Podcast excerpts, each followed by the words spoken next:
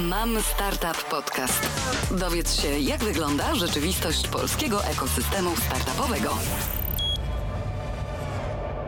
Cześć, nazywam się Hanna Baster, a to jest Mam Startup Podcast. W związku z tym, że ostatnio na łamach naszego portalu pojawiało się trochę artykułów związanych z Bliskim Wschodem, gdzie prezentowaliśmy opinie startupowców, przedsiębiorców większych, ekspertów, właśnie a propos tego, w jaki sposób e, warto inwestować i wchodzić na rynki Bliskiego Wschodu. W związku z tym naszym cyklem pomyślałam, że fajnie będzie domknąć go e, podcastem i takim naszym gościem, który mam nadzieję pomoże nam to fajnie domknąć i podsumować, e, jest Marcin Krzyżanowski. Dzień dobry, cześć. Dzień dobry, cześć. Y, to teraz tylko w skrócie powiem, kim jesteś, tak żeby nasi słuchacze wiedzieli, z kim mamy do czynienia, że jesteś osobą, która rzeczywiście może tutaj e, nam fajnie podsumować cały ten temat, bo jesteś po pierwsze wykładowcą akademickim, orientalistą, czyli specjalistą właśnie od takiej strony e, naukowej, merytorycznej, znasz się na, e, na tym, w jaki sposób tamte kraje, tamte nacje funkcjonują, w jaki sposób należy się zachować e, w stosunkach biznesowych, ale nie tylko, co jest dla nich istotne. E, no i byłeś również konsulem w latach 2008-2011 w Kabulu, więc jesteś również byłym dyplomatą, ale także jesteś przedsiębiorcą. E, który prowadzi firmę konsultingową, która wspomaga polskich przedsiębiorców e, w wejściu na, na rynki Bliskiego Wschodu. Dlatego właśnie zaprosiłam Ciebie mm, do udziału e, w naszej rozmowie, bo wydaje mi się, że możesz fajnie odpowiedzieć na różnego rodzaju pytania i, i jakoś to, to wszystko razem fajnie połączyć. E, więc dzisiaj mam nadzieję, że e, nakreślimy naszym słuchaczom e, takie szanse, które stoją przed nimi, jeżeli chodzi o rynki Bliskiego Wschodu. Chciałabym, żebyśmy przeszli sobie po najważniejszych krajach tego regionu pokazując szanse właśnie na poszczególnych rynkach i trochę, żebyś mógł też e, może je usegregować, uporządkować, jeżeli chodzi o właśnie te na pierwszy rzut i te, które są najbardziej e, warte uwagi. Na sam początek zapytam Cię o Zjednoczone Emiraty Arabskie, e, bo patrząc na wypowiedzi ekspertów, z którymi miałam przyjemność rozmawiać, tworząc teksty o Bliskim Wschodzie, to właśnie te Zjednoczone Emiraty Arabskie są mocno wskazywane jako to miejsce, w którym warto zacząć swój biznes. Czy zgadzasz się z tą opinią? Dlaczego tak, dlaczego nie? Zdecydowanie nie ma co do tego wątpliwości, że jeśli chodzi o e, Bliski Wschód, jeśli chodzi o e, startupy, jeśli chodzi generalnie o e, powiedzmy dosyć odważne, żeby nie powiedzieć ryzykowne pomysły biznesowe, to Zjednoczone Emiraty Arabskie, a ściślej mówiąc Dubaj, bo Emiraty Arabskie, jak zresztą sama nazwa wskazuje, są federacją kilku niezależnych państw, kilku niezależnych emiratów, które E, e, które wspólnie razem się rządzą i co istotne, każde z nich ma nieco odmienne prawo. Więc mówiąc Zjednoczone Emiraty Arabskie, tak naprawdę właściwie mówimy o Emiracie Dubaju, ewentualnie w, w, w, dużo, mniejszym, w dużo mniejszym stopniu o e, Abu Zabi. No ale to już, to już myślę, że są pewne, pewne niuanse. Tak czy inaczej jest Dubaj, potem długo, długo nic. Zdecydowanie E, zdecydowanie w Dubaju najłatwiej o e, inwestora, najłatwiej też e, rozwija się biznes, jeśli chodzi o formalności. Tutaj nie mówię, że cały model gospodarki Dubaju, czy też cały model państwowy został oparty o pomysł przyciągnięcia zagranicznych inwestorów, ale zasadniczo się to do tego sprowadza. Więc Dubaj zadbał o to, żeby potencjalny inwestor E, był dopieszczony, zarówno pod względem formalnym, jak i merytorycznym. Co oczywiście nie oznacza, że e, Dubaj jest dla młodego biznesmena e, czy też startupera krainą mlekiem miodem płynącą. Absolutnie nie. Tam pieniądze wbrew pozorom nie leżą na ulicy i trzeba się mocno nagimnastykować, żeby osiągnąć sukces, ale faktycznie warunki, w których przedsiębiorca musi, że tak powiem, walczyć z przeciwnościami losu, są w Dubaju komfortowe i jest on krajem, jest on miejscem przyjaznym dla, przyjezdnego, przyjaznym dla inwestora. No i też sam fakt, że w tym momencie większość, większość mieszkańców Dubaju to, to obcokrajowcy różnej proweniencji, też sprawia, że łatwiej się obcokrajowcy, który, obcokrajowcowi, który na przykład nie zna języka arabskiego, w tym Dubaju poruszać. Dubaj stworzył, a jego śladem, jego śladem poszedł e, Katar i zdaje się, wszystko na to wskazuje, że w jego stronę idzie też Arabia Saudyjska to zniknął problem, zniknął problem obcości kulturowej.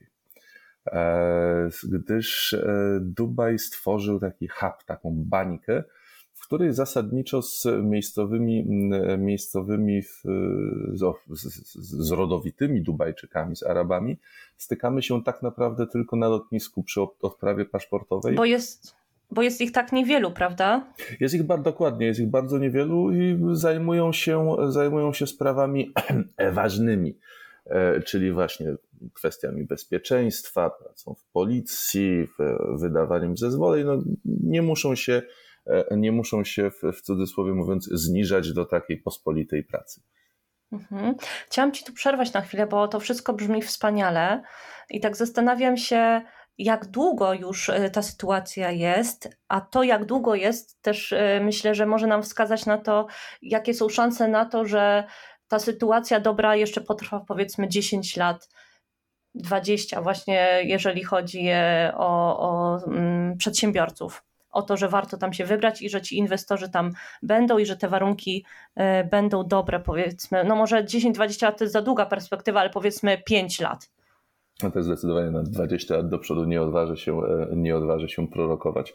Natomiast jeśli chodzi o perspektywę, perspektywę 5 czy nawet ciutkę dłuższą, bo jednej dekady, to, to bez e, zbędnego ryzyka mogę stwierdzić, że ten e, dobry czas dla zagranicznych inwestorów, dla startupów tam jeszcze potrwa. E, nie wiem, jak będzie się to rozwijało w Arabii Saudyjskiej, która ostatnimi czasy też bardzo mocno zaczęła się otwierać na świat, ale w przypadku Dubaju E, i Kataru mamy do czynienia z sytuacją, która jest de facto uzależnieniem od e, dopływu inwestorów z zewnątrz. Przy czym w przypadku Kataru w nieco mniejszym stopniu, bo Katar jest mocarstwem w, te, w, w dziedzinie eksportu gazu, więc Katar stać na rozmaite eksperymenty. Dubaj jakkolwiek też może pochwalić się dość znacznym wydobyciem i dochodami z eksportu ropy naftowej, nie ma tej ropy aż tak wiele i aż tak dużych zapasów, e, żeby móc w pewnym momencie e, machnąć ręką i stwierdzić, a ci zagraniczni inwestorzy nam są zupełnie niepotrzebni. Dubaj i całe Zjednoczone Emiraty Arabskie tak naprawdę są w tym momencie w dużej mierze zależne właśnie od turystów i inwestorów e, i biznesmenów, handlowców z zewnątrz. Część, e, część tego modus operandi biznesowego Dubaju e, polega też na utworzeniu z Dubaju i z, zarówno z jego lotniska, jak i z jego portu ogromnego hubu przeładunkowego, hubu handlowego, hubu transportowego na obszar całego Bliskiego Wschodu i basenu Oceanu Indyjskiego czyli również, e, również e, macki tego, e, tego hubu sięgają Afryki i, i, i, i, i Indonezji. I no, obcokrajowcy są im po prostu potrzebni jak, jak tlen, więc póki Dubaj funkcjonuje, puty będzie tam, będzie tam dobra atmosfera biznesu. Mhm. Bo tak, z jednej strony mówimy sobie przy Zjednoczonych Emiratach Arabskich o tym, że jest tam bardzo wielu inwestorów i to jest to, co sprawia, że, że warto tam przyjechać. Ale z drugiej też strony, jak popatrzymy sobie na rankingi e, ekosystemów startupowych, i ja popatrzyłam sobie na ekosystem, e, ekosystemy w regionie MENA, no to mamy tutaj Izrael i mamy właśnie Dubaj na drugim miejscu jako taki super e, ekosystem startupowy, konkretnie e, właśnie miasto Dubaj.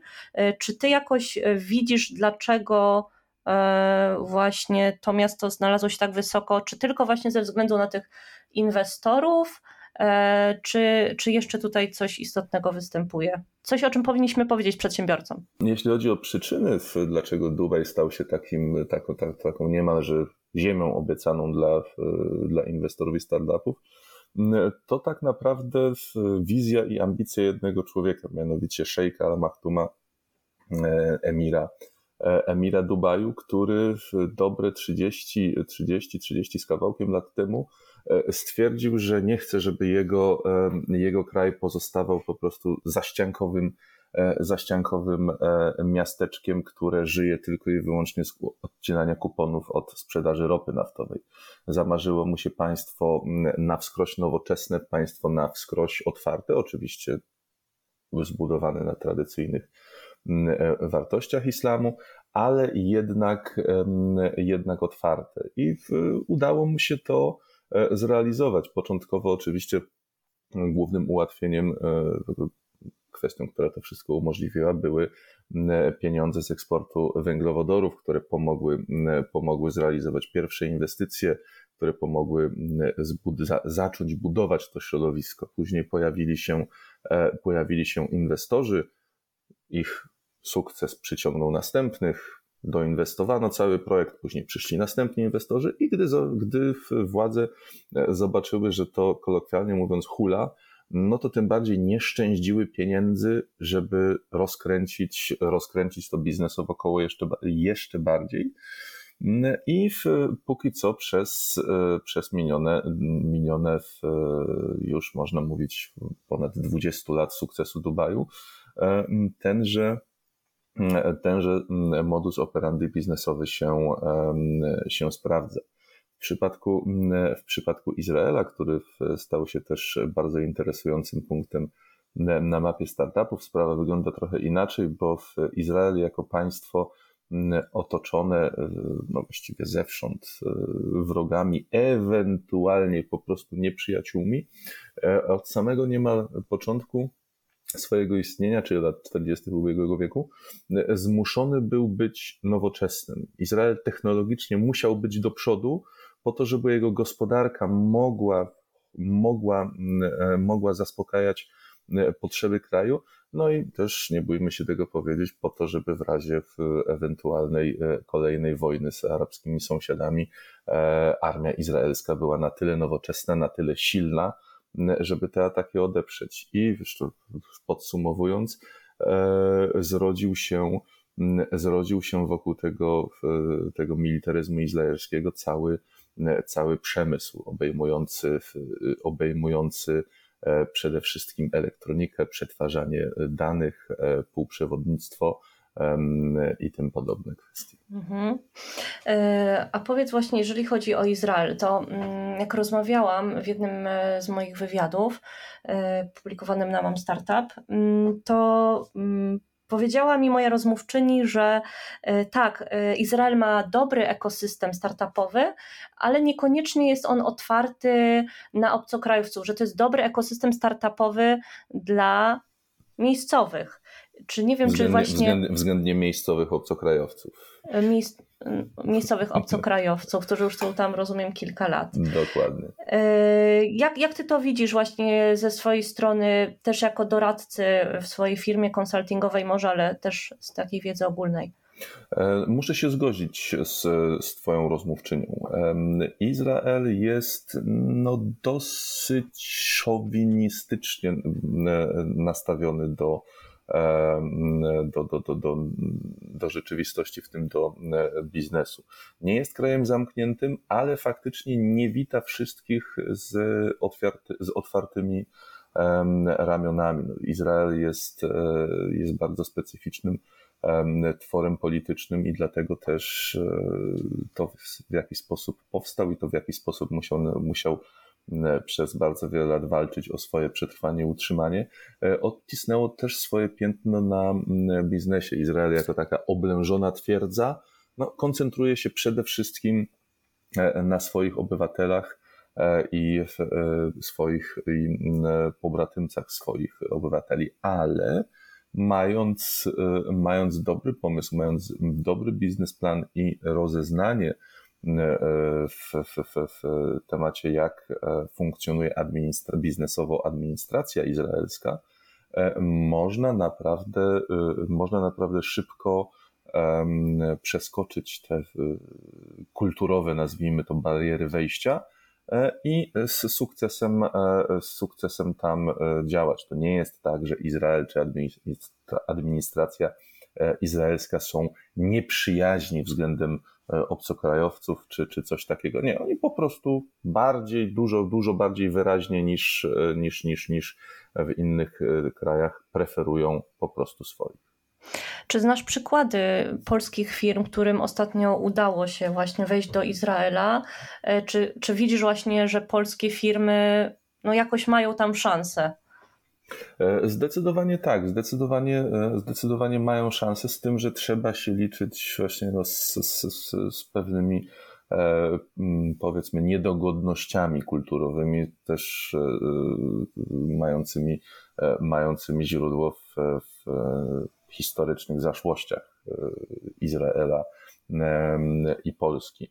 E, natomiast jest to, tak jak mówiłem, też nie jest to środowisko zamknięte i jest to, jest to kraj, który oferuje mnóstwo perspektyw, zwłaszcza e, jeśli ktoś decyduje się, decyduje się inwestować w Izraelu. Izrael jest bardzo głodny kapitału, nawet dużo bardziej niż Dubaj. To jest jedna rzecz. E, druga rzecz, nowoczesne technologie e, to jest coś, też coś, co e, otworzy bardzo wiele drzwi w Izraelu. Bo jeśli na przykład ktoś ma pomysł, jak przysłowiowo,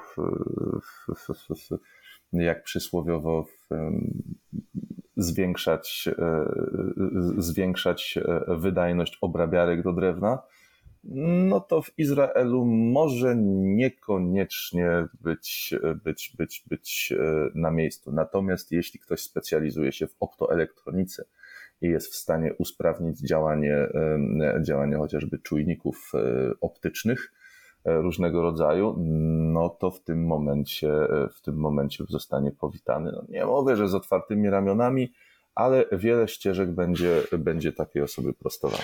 Czy ten przykład, który podajesz, czy on jest związany jakoś e, z bezpieczeństwem i właśnie z tego powodu e, Izraelczycy stawiają na to, czy właśnie te wszystkie jakieś rozwiązania, które jakoś tam mają związek czy z cyberbezpieczeństwem, czy generalnie z bezpieczeństwem tutaj? I to, i to, i to, i to. Z jednej strony, z jednej strony ten profil, profil mm, e, gospodarczy kraju, czyli nastawienie na E, wysokie technologie. No, Izrael jest pozbawiony e, zasadniczo surowców, e, surowców naturalnych.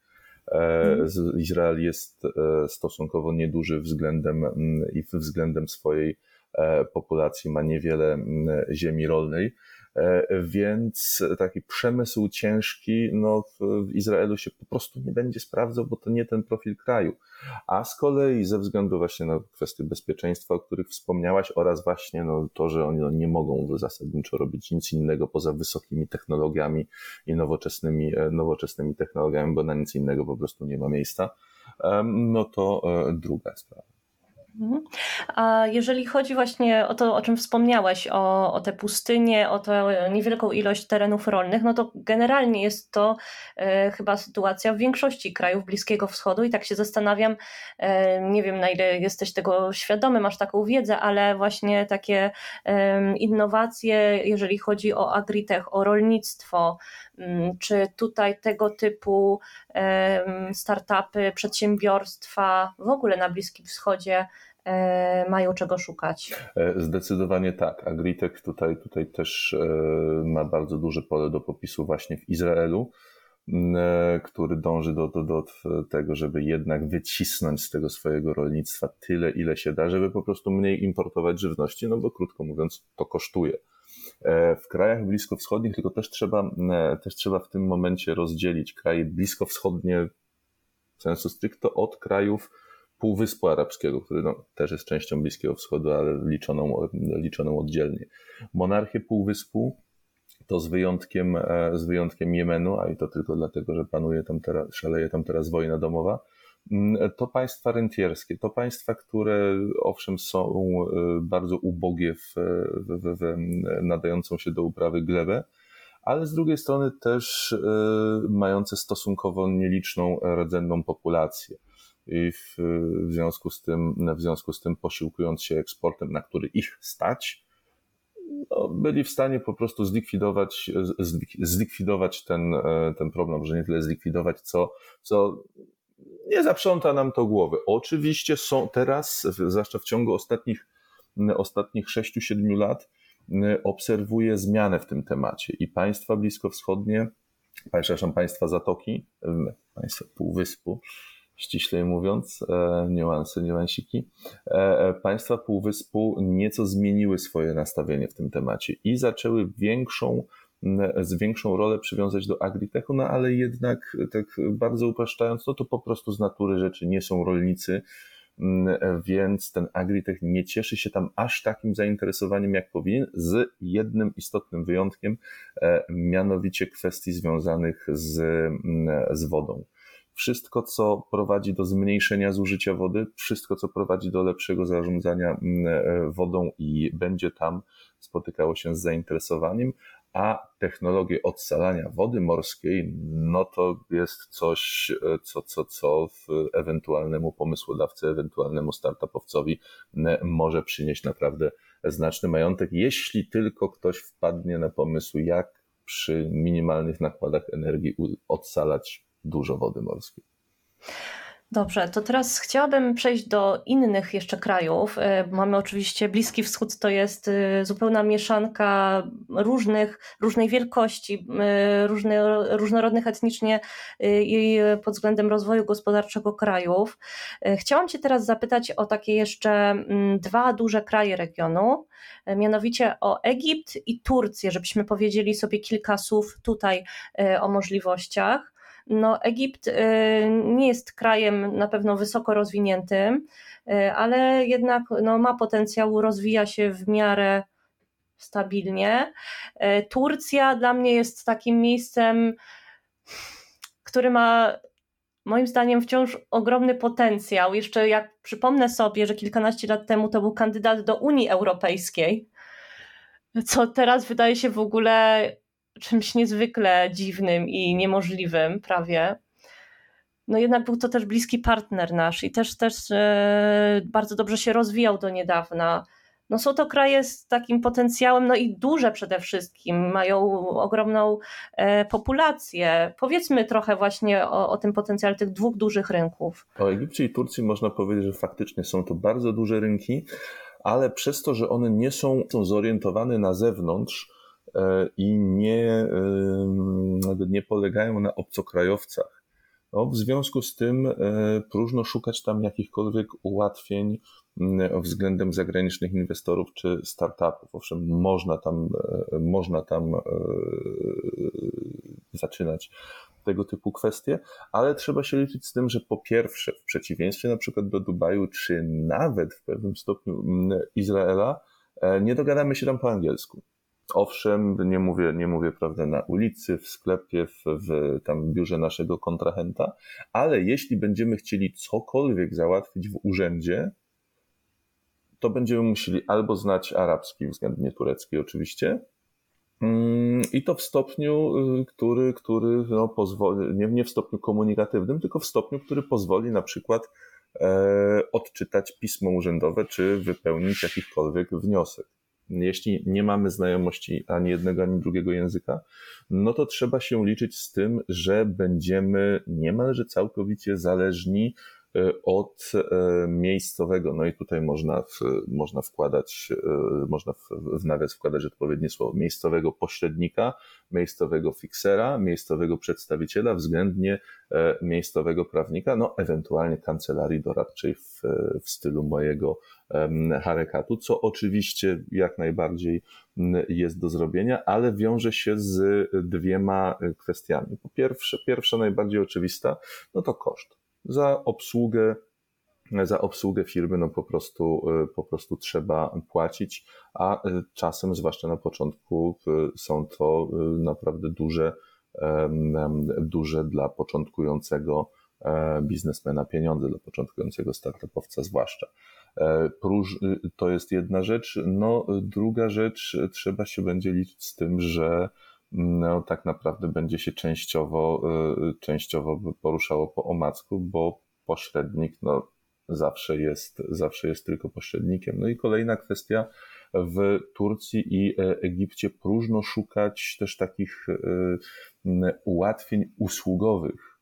E, owszem, są tam wirtualne biura, owszem, jest tam częściowa digitalizacja usług państwowych, ale są w, pod tym względem w tyle, nie tyle w, w porównaniu z Dubajem, co z na przykład Polską, żeby daleko nie szukać. Koszty takiej, takiej obsługi e, są też e, dużo droższe z racji tego, że konkurencja na na tym rynku doradczym jest niewielka. Oczywiście są wyjątki, oczywiście może być tak, że ktoś ma szczęście i trafi akurat na bardzo dobrego pośrednika, względnie fiksera, którego uczyni wspólnikiem w przyszłości i tak dalej, i tak dalej, ale statystycznie rzecz biorąc, to są trudne rynki. To są rynki dla albo pomysłów, które są idealnie uszyte pod ten rynek, E, albo pomysły, których autorem będzie no, fascynat, który akurat przez przypadek zna arabski bądź turecki.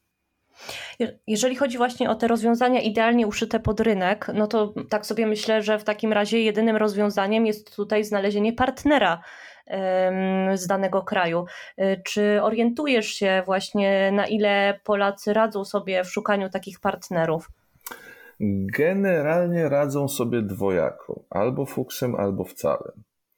E, już mówię, co, co, co, co, co w, y, mam na myśli. Mm, tutaj bardzo, bardzo, bardzo uproszczając i bardzo, bardzo uśredniając, mm, generalnie bliskowschodni biznesmeni, czy nie tylko biznesmeni, mieszkańcy Bliskiego Wschodu, mm, oni działają, e, oni komunikują się nieco, e, nieco inaczej niż my. Oni są bardziej wylewni, bardziej kweciści.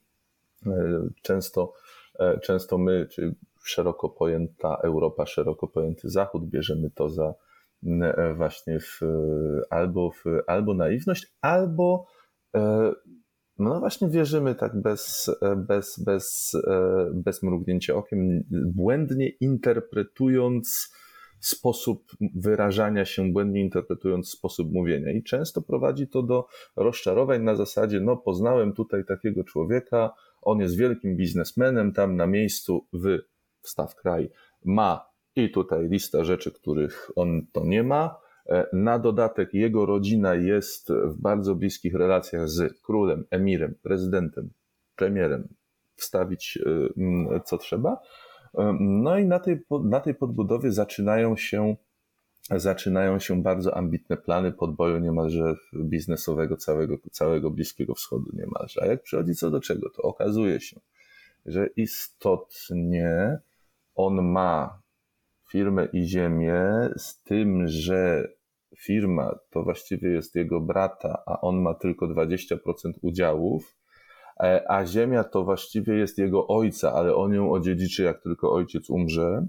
E, a co do kontaktów z prezydentem Czemirem, to zasadniczo tak. Parę lat temu udało się kuzynowi kuzynowi e, z tym, że, z tym, że premierem, e, ministrem, księciem zobaczyć i ma numer do jego sekretariatu.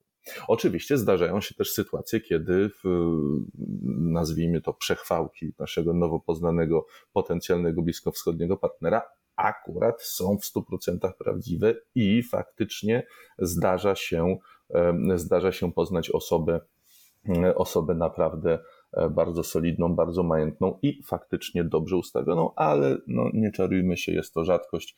Częściej jest, e, jest to ta pierwsza opcja. Jednak e, starając się tutaj przekazać jakąś praktyczną wiedzę, jeżeli spróbowalibyśmy przekazać przedsiębiorcom jakąś taką poradę, jak, jak, jak spróbować znaleźć takiego partnera, to od czego trzeba by zacząć? Czy od jakiegoś udziału w konkursie jakimś organizowanym przez polsko-egipsko czy polsko-turecką organizację, e, czy pojechać tam na targi, czy, czy tak naprawdę Twoim zdaniem to wszystko jest kwestia szczęścia? Nie wszystko, ale faktycznie bardzo dużo, bardzo dużo zależy od najzwyklejszego szczęścia. Oczywiście temu szczęściu można dopomóc poprzez no, większą intensyfikację działań, bo e, można skorzystać z każdego sposobów, ze sposobów przez Ciebie wymienionych, no wtedy po prostu statystycznie nasze szanse rosną. Ale to, co ja, to, co ja doradzam, jeśli ktoś, e, oczywiście to wszystko zależy od tego, ile ktoś ma czasu na podjęcie decyzji i zaplanowanie, czy chce akurat w danym w, kraju X rozwijać transport, e, no i ile ma pieniędzy na e, to wstępne badanie. No jeśli ich w ogóle nie ma, no to, e, no to wtedy jest problem. Natomiast jeśli ktoś może sobie i czasowo, i finansowo pozwolić na taki rekonesans, E, to ja polecam, e, oczywiście też w zależności od kraju, w zależności od branży, ale generalnie, gdyby to wszystko wsypać do jednego worka, to najlepiej sprawdza się udział w targach. Tylko nie udział w targach taki, jaki jest, jaki jest e, przeważnie praktykowany przez no nie tylko polskich, ale generalnie przedsiębiorców, czyli przyjeżdżamy, w, przyjeżdżamy po południu na dzień przed, dzień przed pierwszym dniem targów, E, i tuż po ich zakończeniu pędzimy e, na lotnisko, a później falałopujemy wszystko mailami. To na Bliskim Wschodzie to tak nie działa. Generalnie... Tu trzeba się poznać, prawda? Dokładnie. Pójść razem Zdro, dokładnie. do restauracji, popowiadać się. o swojej żonie, dzieciach. O żonie, dzieciach niekoniecznie akurat w tym wypadku. A, chociaż to, okay. też, to też zależy na kogo, e, na kogo trafimy. W nie, co bardziej konserwatywni traktują to, oczywiście bez jakiejś przesady, ale traktują to jako pewien, e, pewne, pewne tabu, tak jak my na przykład no, nie rozmawiamy o. O religii. O właśnie, albo o, no, no, sytuacji no, politycznej. To jest, to jest też to jest temat, którego się nie porusza. Nie, że jakiś wstydliwy, nie, że nie wolno, ale to jest zarezerwowane, zarezerwowane dla, bardziej dla przyjaciół. O już na wyższym, na wyższym poziomie znajomości. Czyli w trakcie takiej rozmowy prywatnej w restauracji, półprywatnej, jakie tematy warto poruszyć? Generalnie tutaj, tutaj nie odbiega ten katalog, e, katalog rozmów e, nie odbiega od tego, co, co, co moglibyśmy, moglibyśmy usłyszeć, czy też, czy też powiedzieć w Polsce. No oczywiście my z racji, też zależy wszystko od różnicy wieku, no bo inaczej, e, inaczej będziemy rozumieć my, prawda, w, czy ja i ty, jak się, prawda, byśmy planowali jakiś wspólny biznes, no a inaczej, e, no, inaczej rozmawiałabyś, nie wiem, z jakimś 65-letnim już po bardzo poważnym, bardzo poważnym prezesem. No ja też jestem prezesem, ale mniej poważnym. Więc to też inaczej będzie, jeśli spotkamy się z równolatkiem, no to będzie inaczej. Jeśli z osobą dużo starszą, no to, e, no to będzie to inaczej. E, no i też wszystko zależy od, e, od takich cech, cech osobowych danego, danego człowieka. No niektórzy będą po prostu od charakteru, niektórzy będą bardziej otwarci, wylewni, no bo po prostu tacy są. Niektórzy będą bardziej zdystansowani, no bo tak już mają do ludzi, ale generalnie trzeba chociaż odrobinę poznać człowieka i tamtejsze środowisko. Dlatego ja właśnie, tak wracając do, do, do, do głównego wątku porady, ja radzę, żeby jechać na targi, ale przyjechać trzy dni przed i wyjechać trzy dni po. E, przed targami po prostu bez, e, bez oczywiście jakiegoś turystycznego szału, ale pochodzić po mieście, tylko po tym mieście nie turystycznym, Oczywiście, no można zajrzeć sobie w, w, do, do, jednego, drugiego zabytku, no, ale trzeba pamiętać, że, to jed, że jednak jesteśmy mimo wszystko pra, w pracy. Więc e, w przysłowiowym, e, w przysłowiowym Kairze e, no, odpuściłbym sobie tym razem, tym razem przysłowiowe piramidy. Odpuściłbym sobie tą część bazaru przeznaczoną dla turystów, a pochodził, czy też pojeździł, bo to też nie ma, te, te, też jest dobrą rzeczą, żeby w, albo poruszać się komunikacją miejską, jeśli ktoś jest w stanie, a jak nie, to akurat w tych krajach stosunkowo tanio można wynająć samochód z kierowcą, taksówkę i po prostu y, y, pojeździć po miejscach, gdzie toczy się życie biznesowe, czyli dzielnice przemysłowe, zobaczyć dzielnicę biurową, i, i e, w zależności też oczywiście od tego, jaką kto się branżą zajmuje, E, to albo pochodzić po sklepach, albo pochodzić, e, albo pochodzić po e, hurtowniach. No i jeśli ktoś na przykład zajmuje się produkcją przedłużaczy, no to niech kupi ze dwa, trzy przedłużacze i będzie od razu wiedział, po ile te przedłużacze są jakiej są produkcji, jakiej są jakości. I w tym momencie, no, czy to nie, nie jest oczywiście jakaś powalająca wiedza, ale jeśli już na targach spotka się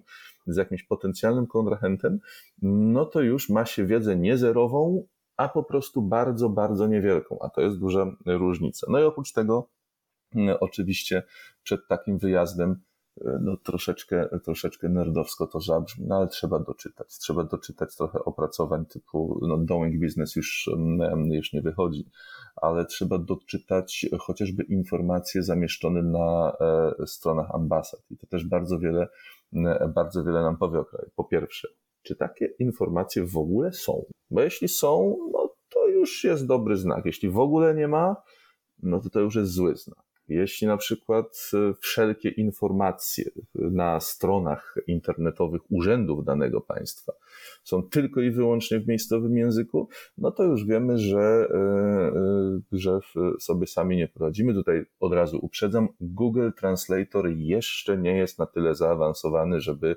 nam umożliwić samodzielne poruszanie się po arabsko, czy też turecko, czy perskojęzycznej sferze. No i po takim, po takich targach, jeszcze tak mówię, zostać, zostać ze trzy dni, żeby się spotkać, żeby się spotkać z e, osobami poznanymi na targach, bo na targach przeważnie jest to, mm, jest, jest to dosyć szybka, e, szybka wymiana zdań, wymiana wizytówek, a na Bliskim Wschodzie oni lubią na spokojnie. Mhm. Na sam koniec naszej rozmowy chciałam jeszcze przejść do takich krajów, które no, na pierwszy rzut oka nie wydają się być w tym momencie przynajmniej miejscami, o których warto myśleć pod względem biznesowym. E, to jest e, Iran, wiadomo, z ostatnimi zamieszkami, z ostatnią sytuacją, e, która się tam dzieje. Mamy Liban, który jest tak naprawdę państwem upadłym. No i mamy Irak, który przeszedł to, co przeszedł. Mm, no i nadal jest tam dosyć niespokojnie. Y, ale powiedz, szczególnie ten Irak i Iran, no to znowu to są kraje z ogromną populacją. Irak to jest znowu złoża ropy naftowej, Iran tak samo zresztą. Czy w ogóle w tym momencie albo po jakimś uspokojeniu się sytuacji, na przykład w Iranie, e, warto myśleć o tych krajach, czy jednak no jest to zbyt ryzykowne, żeby to polecać. To idąc, idąc po kolei, Libanu w tym momencie w ogóle nie polecam, bo jego gospodarka jest całościowo, nie tylko, nie tylko waluta, nie tylko, nie tylko współczynniki makroekonomiczne. E, gospodarka jest tak rozregulowana i sytuacja polityczna tak niepewna, że no, y, nie ma żadnego nie ma żadnej y, pewności, a jest bardzo duże, mm, bardzo duże ryzyko. Ryzyko, że po prostu gospodarka, gospodarka padnie zupełnie, na kraj zbankrutuje.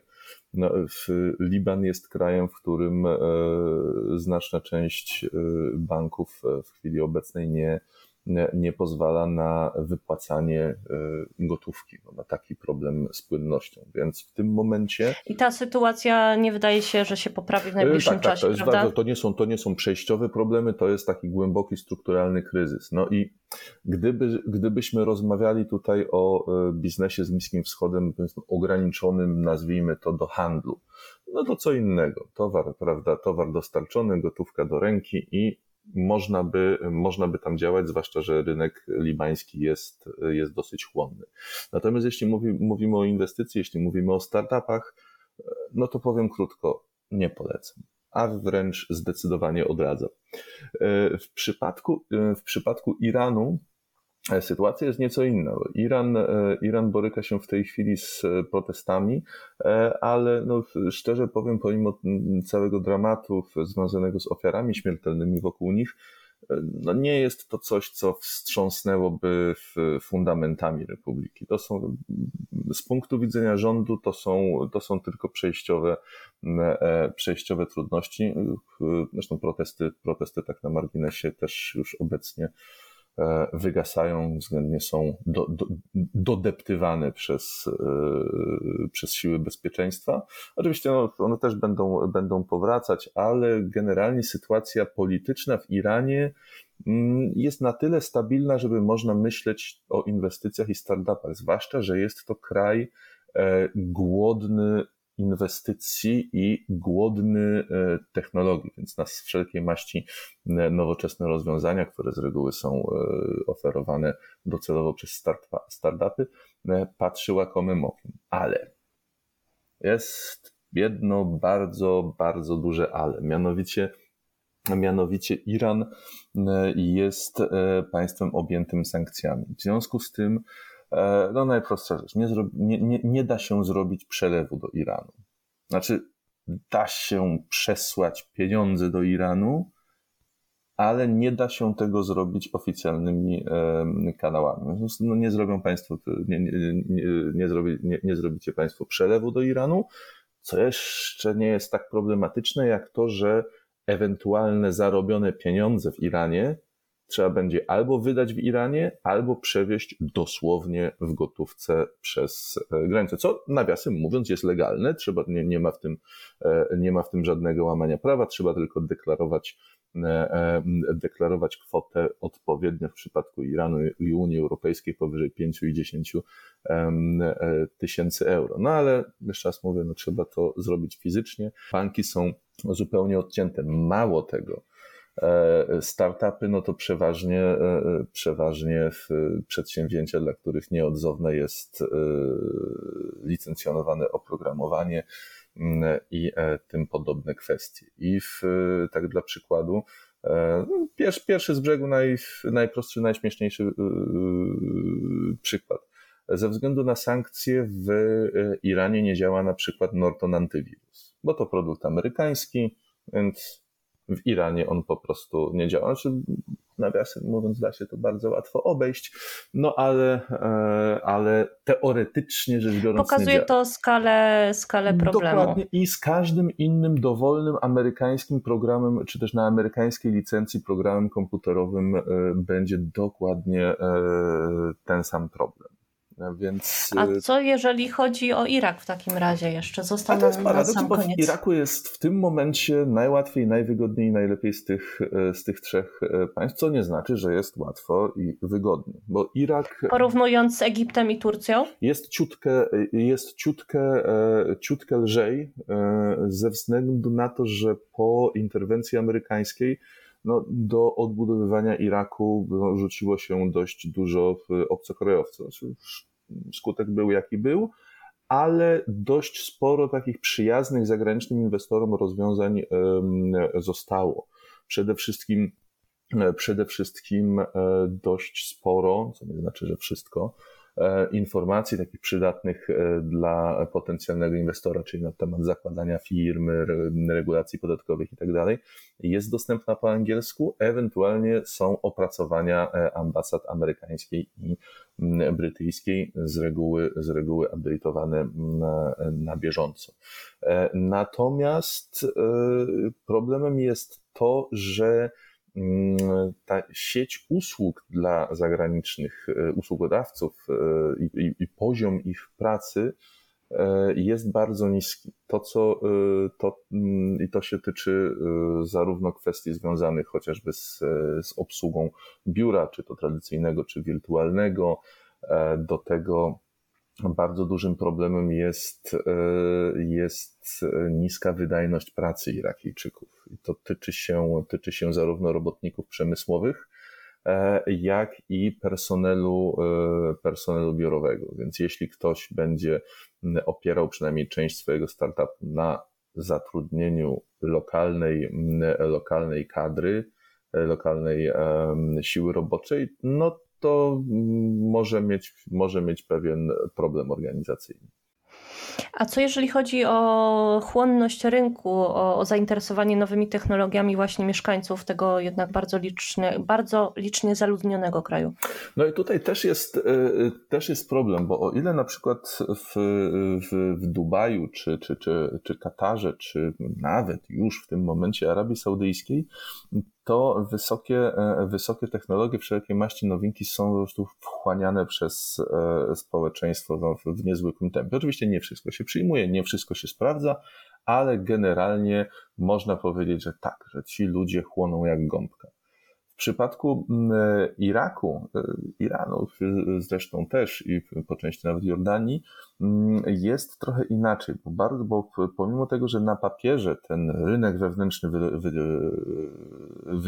wygląda bardzo pięknie, bo chociażby w Iranie mamy 80 e, milionów mieszkańców, czy no 80 milionów potencjalnych konsumentów. Tak, ale połowa z nich jest za biedna, żeby w ogóle brać ich pod uwagę, bo ich po prostu nie stać na, na produkty wykraczające poza, poza, poza, poza podstawy typu jedzenie, ubranie, jakieś wyposażenie domu, a i to nie, nie, nie, nie przesadne. Choć trzeba przyznać, dlatego zadaję to pytanie, bo no, nieraz na pewno e, widziałeś takie obrazki jakiejś biednej e, chałupy w górach, ale oczywiście antena satelitarna i telefon, najnowszy smartfon jest. No tak, no teraz, no teraz to jest jednak, jednak pewna podstawa, to jest no, łączność, łączność ze światem, której nie było, no ale nawet jeśli jeśli ktoś e, nie wiem, produkuje przysłowiowe wzmacniacze sygnału do anten satelitarnych, no to też e, będzie miał problem z dotarciem, z dotarciem do tych ludzi, bo mm, do tych ludzi e, zasadniczo nie trafiają chociażby reklamy. Na prowincję bardzo ciężko dojść, dojść ze swoim produktem, jeśli jest on jakąś nowinką. Więc to, to, to na, te, na, te, na wielkość rynku zbytu trzeba, trzeba też patrzeć ostrożnie. No i właśnie też w przypadku, w przypadku Iraku znaczna część społeczeństwa jest Mm, jest po prostu zbyt biedna albo niezainteresowana nowinkami, no bo mieszkają na konserwatywnej prowincji i albo nie zdają sobie sprawy z tego, że coś potrzebują, czegoś potrzebują, albo świadomie to odrzucają jako nowinkę, która jest zbyt, e, która nie jest zgodna z, z, z, z miejscowymi normami. To tak podsumowując już naszą rozmowę, przelecieliśmy sobie przez te wszystkie praktycznie kraje regionu. Wydaje mi się, że wracamy na koniec tak naprawdę do początku naszej rozmowy, czyli do Zjednoczonych Emiratów Arabskich, do Arabii Saudyjskiej, do Kataru. E, czy to nie jest tak, że właśnie ten Półwysep Arabski to jednak jest to miejsce, gdzie ci przedsiębiorcy e, praktycznie wyłącznie mogą myśleć o robieniu biznesu, czy jednak byś tak tego nie ograniczał? Nie ograniczałbym e, tego aż tak bardzo z tym, że, e, e, z tym, że faktycznie zaznaczyłbym, że jeśli ktoś nie ma albo specjalnej, kolokwialnie mówiąc, zajawki na dany konkretny kraj, dla przykładu Egipt, czy, czy, czy, czy, czy, czy, czy Jordanię, czy cokolwiek innego, jeśli nie zna lokalnego języka, jeśli nie ma jakichś, prawda, starych, nie wiem, powiązań rodzinno-towarzyskich z, z, z E, z danym krajem, to zaczynanie jakiegokolwiek biznesu, nie tylko startupu, który jest z natury rzeczy skomplikowany, będzie dodatkowo utrudnione. Oprócz standardowych problemów startupowca dojdą właśnie lokalne problemy. Natomiast Dubaj, e, e, Dubaj, Katar i teraz do tego grona dołącza jeszcze Arabia Saudyjska, oferują znaczy, inkubator to może za duże słowo, ale e, oferują względnie komfortową angielskojęzyczną bańkę, w której można, oczywiście, oczywiście nie za darmo, ale w relatywnie, w relatywnie w niskich kosztach i przy stosunkowo wysokiej jakości funkcjonować. I to jest bardzo duże ułatwienie, zwłaszcza, że też sporo legislacji jest, jest ukierunkowanych na ułatwienia dla startupów. Przejrzysty system podatkowy e, oferujący też korzystne stawki. To też bardzo istotna kwestia, bo w, cały czas, ja, ja w szczególności jako doradca, no ale tutaj cały czas skupiamy się gdyby na e, problemach e, z wejściem na rynek, problemach wzrostu, a trzeba też mieć gdzieś z tyłu głowy głowy mm, odpowiedź na pytanie, no a co jeśli odniesiemy sukces i trzeba będzie przysłowiowy milion dolarów wytransferować, wytransferować przysłowiowego Dubaju do równie przysłowiowego Krakowa. No i tutaj rodzą się pytania, czy to w ogóle jest możliwe, czy to tak można, bo to jest prawda, poza Unią Europejską, więc regulacje regulacje są dość szczegółowe, ile trzeba podatku od tego zapłacić i tak dalej, i tak dalej. I tutaj właśnie Dubaj z Katarem, oni oferują rozwiązania, które są po prostu y, korzystne przy, w sytuacji no, wysokich zysków, którymi, nie, który, którymi niekoniecznie chce się jeszcze bardziej dzielić z miejscowym rządem i których niekoniecznie chce, które niekoniecznie chce się ponownie dodatkowo inwestować e, na miejscu. To w przypadku Ira, przepraszam, w przypadku Dubaju i Kataru, no to regulacje są na tyle, na tyle no, przyjazne, to może za dużo powiedziane, bo to w końcu podatki, ale są naprawdę, e, naprawdę akceptowalne, w przeciwieństwie chociażby do egipskich czy tureckich. Dziękuję Ci bardzo za cały czas poświęcony, za to, że poprowadziłeś nas e, po krajach e, Bliskiego Wschodu, po rynkach, po tych możliwościach, które mają polscy przedsiębiorcy. Na koniec jeszcze chciałam tylko dodać, e, że Bliski Wschód, w szczególności Zjednoczone Emiraty Arabskie, one pozostają w tym momencie taką zieloną wyspą, jeżeli chodzi o fundusze Venture Capital. W zeszłym roku, w 2022 roku, liczba inwestycji i wartość tych e, transakcji e, no, nie spadała w e, przeciwieństwie do krajów Unii Europejskiej, czy, czy jeżeli chodzi o Stany Zjednoczone, więc też właśnie z tego względu rozmawialiśmy sobie dzisiaj z Marcinem Krzyżanowskim. Dziękuję Ci jeszcze raz bardzo za obecność. Dziękuję za zaproszenie i polecam się na przyszłość. Sprawdź inne odcinki Mam Startup Podcast na Spotify, YouTube, Apple Podcast i Google Podcast.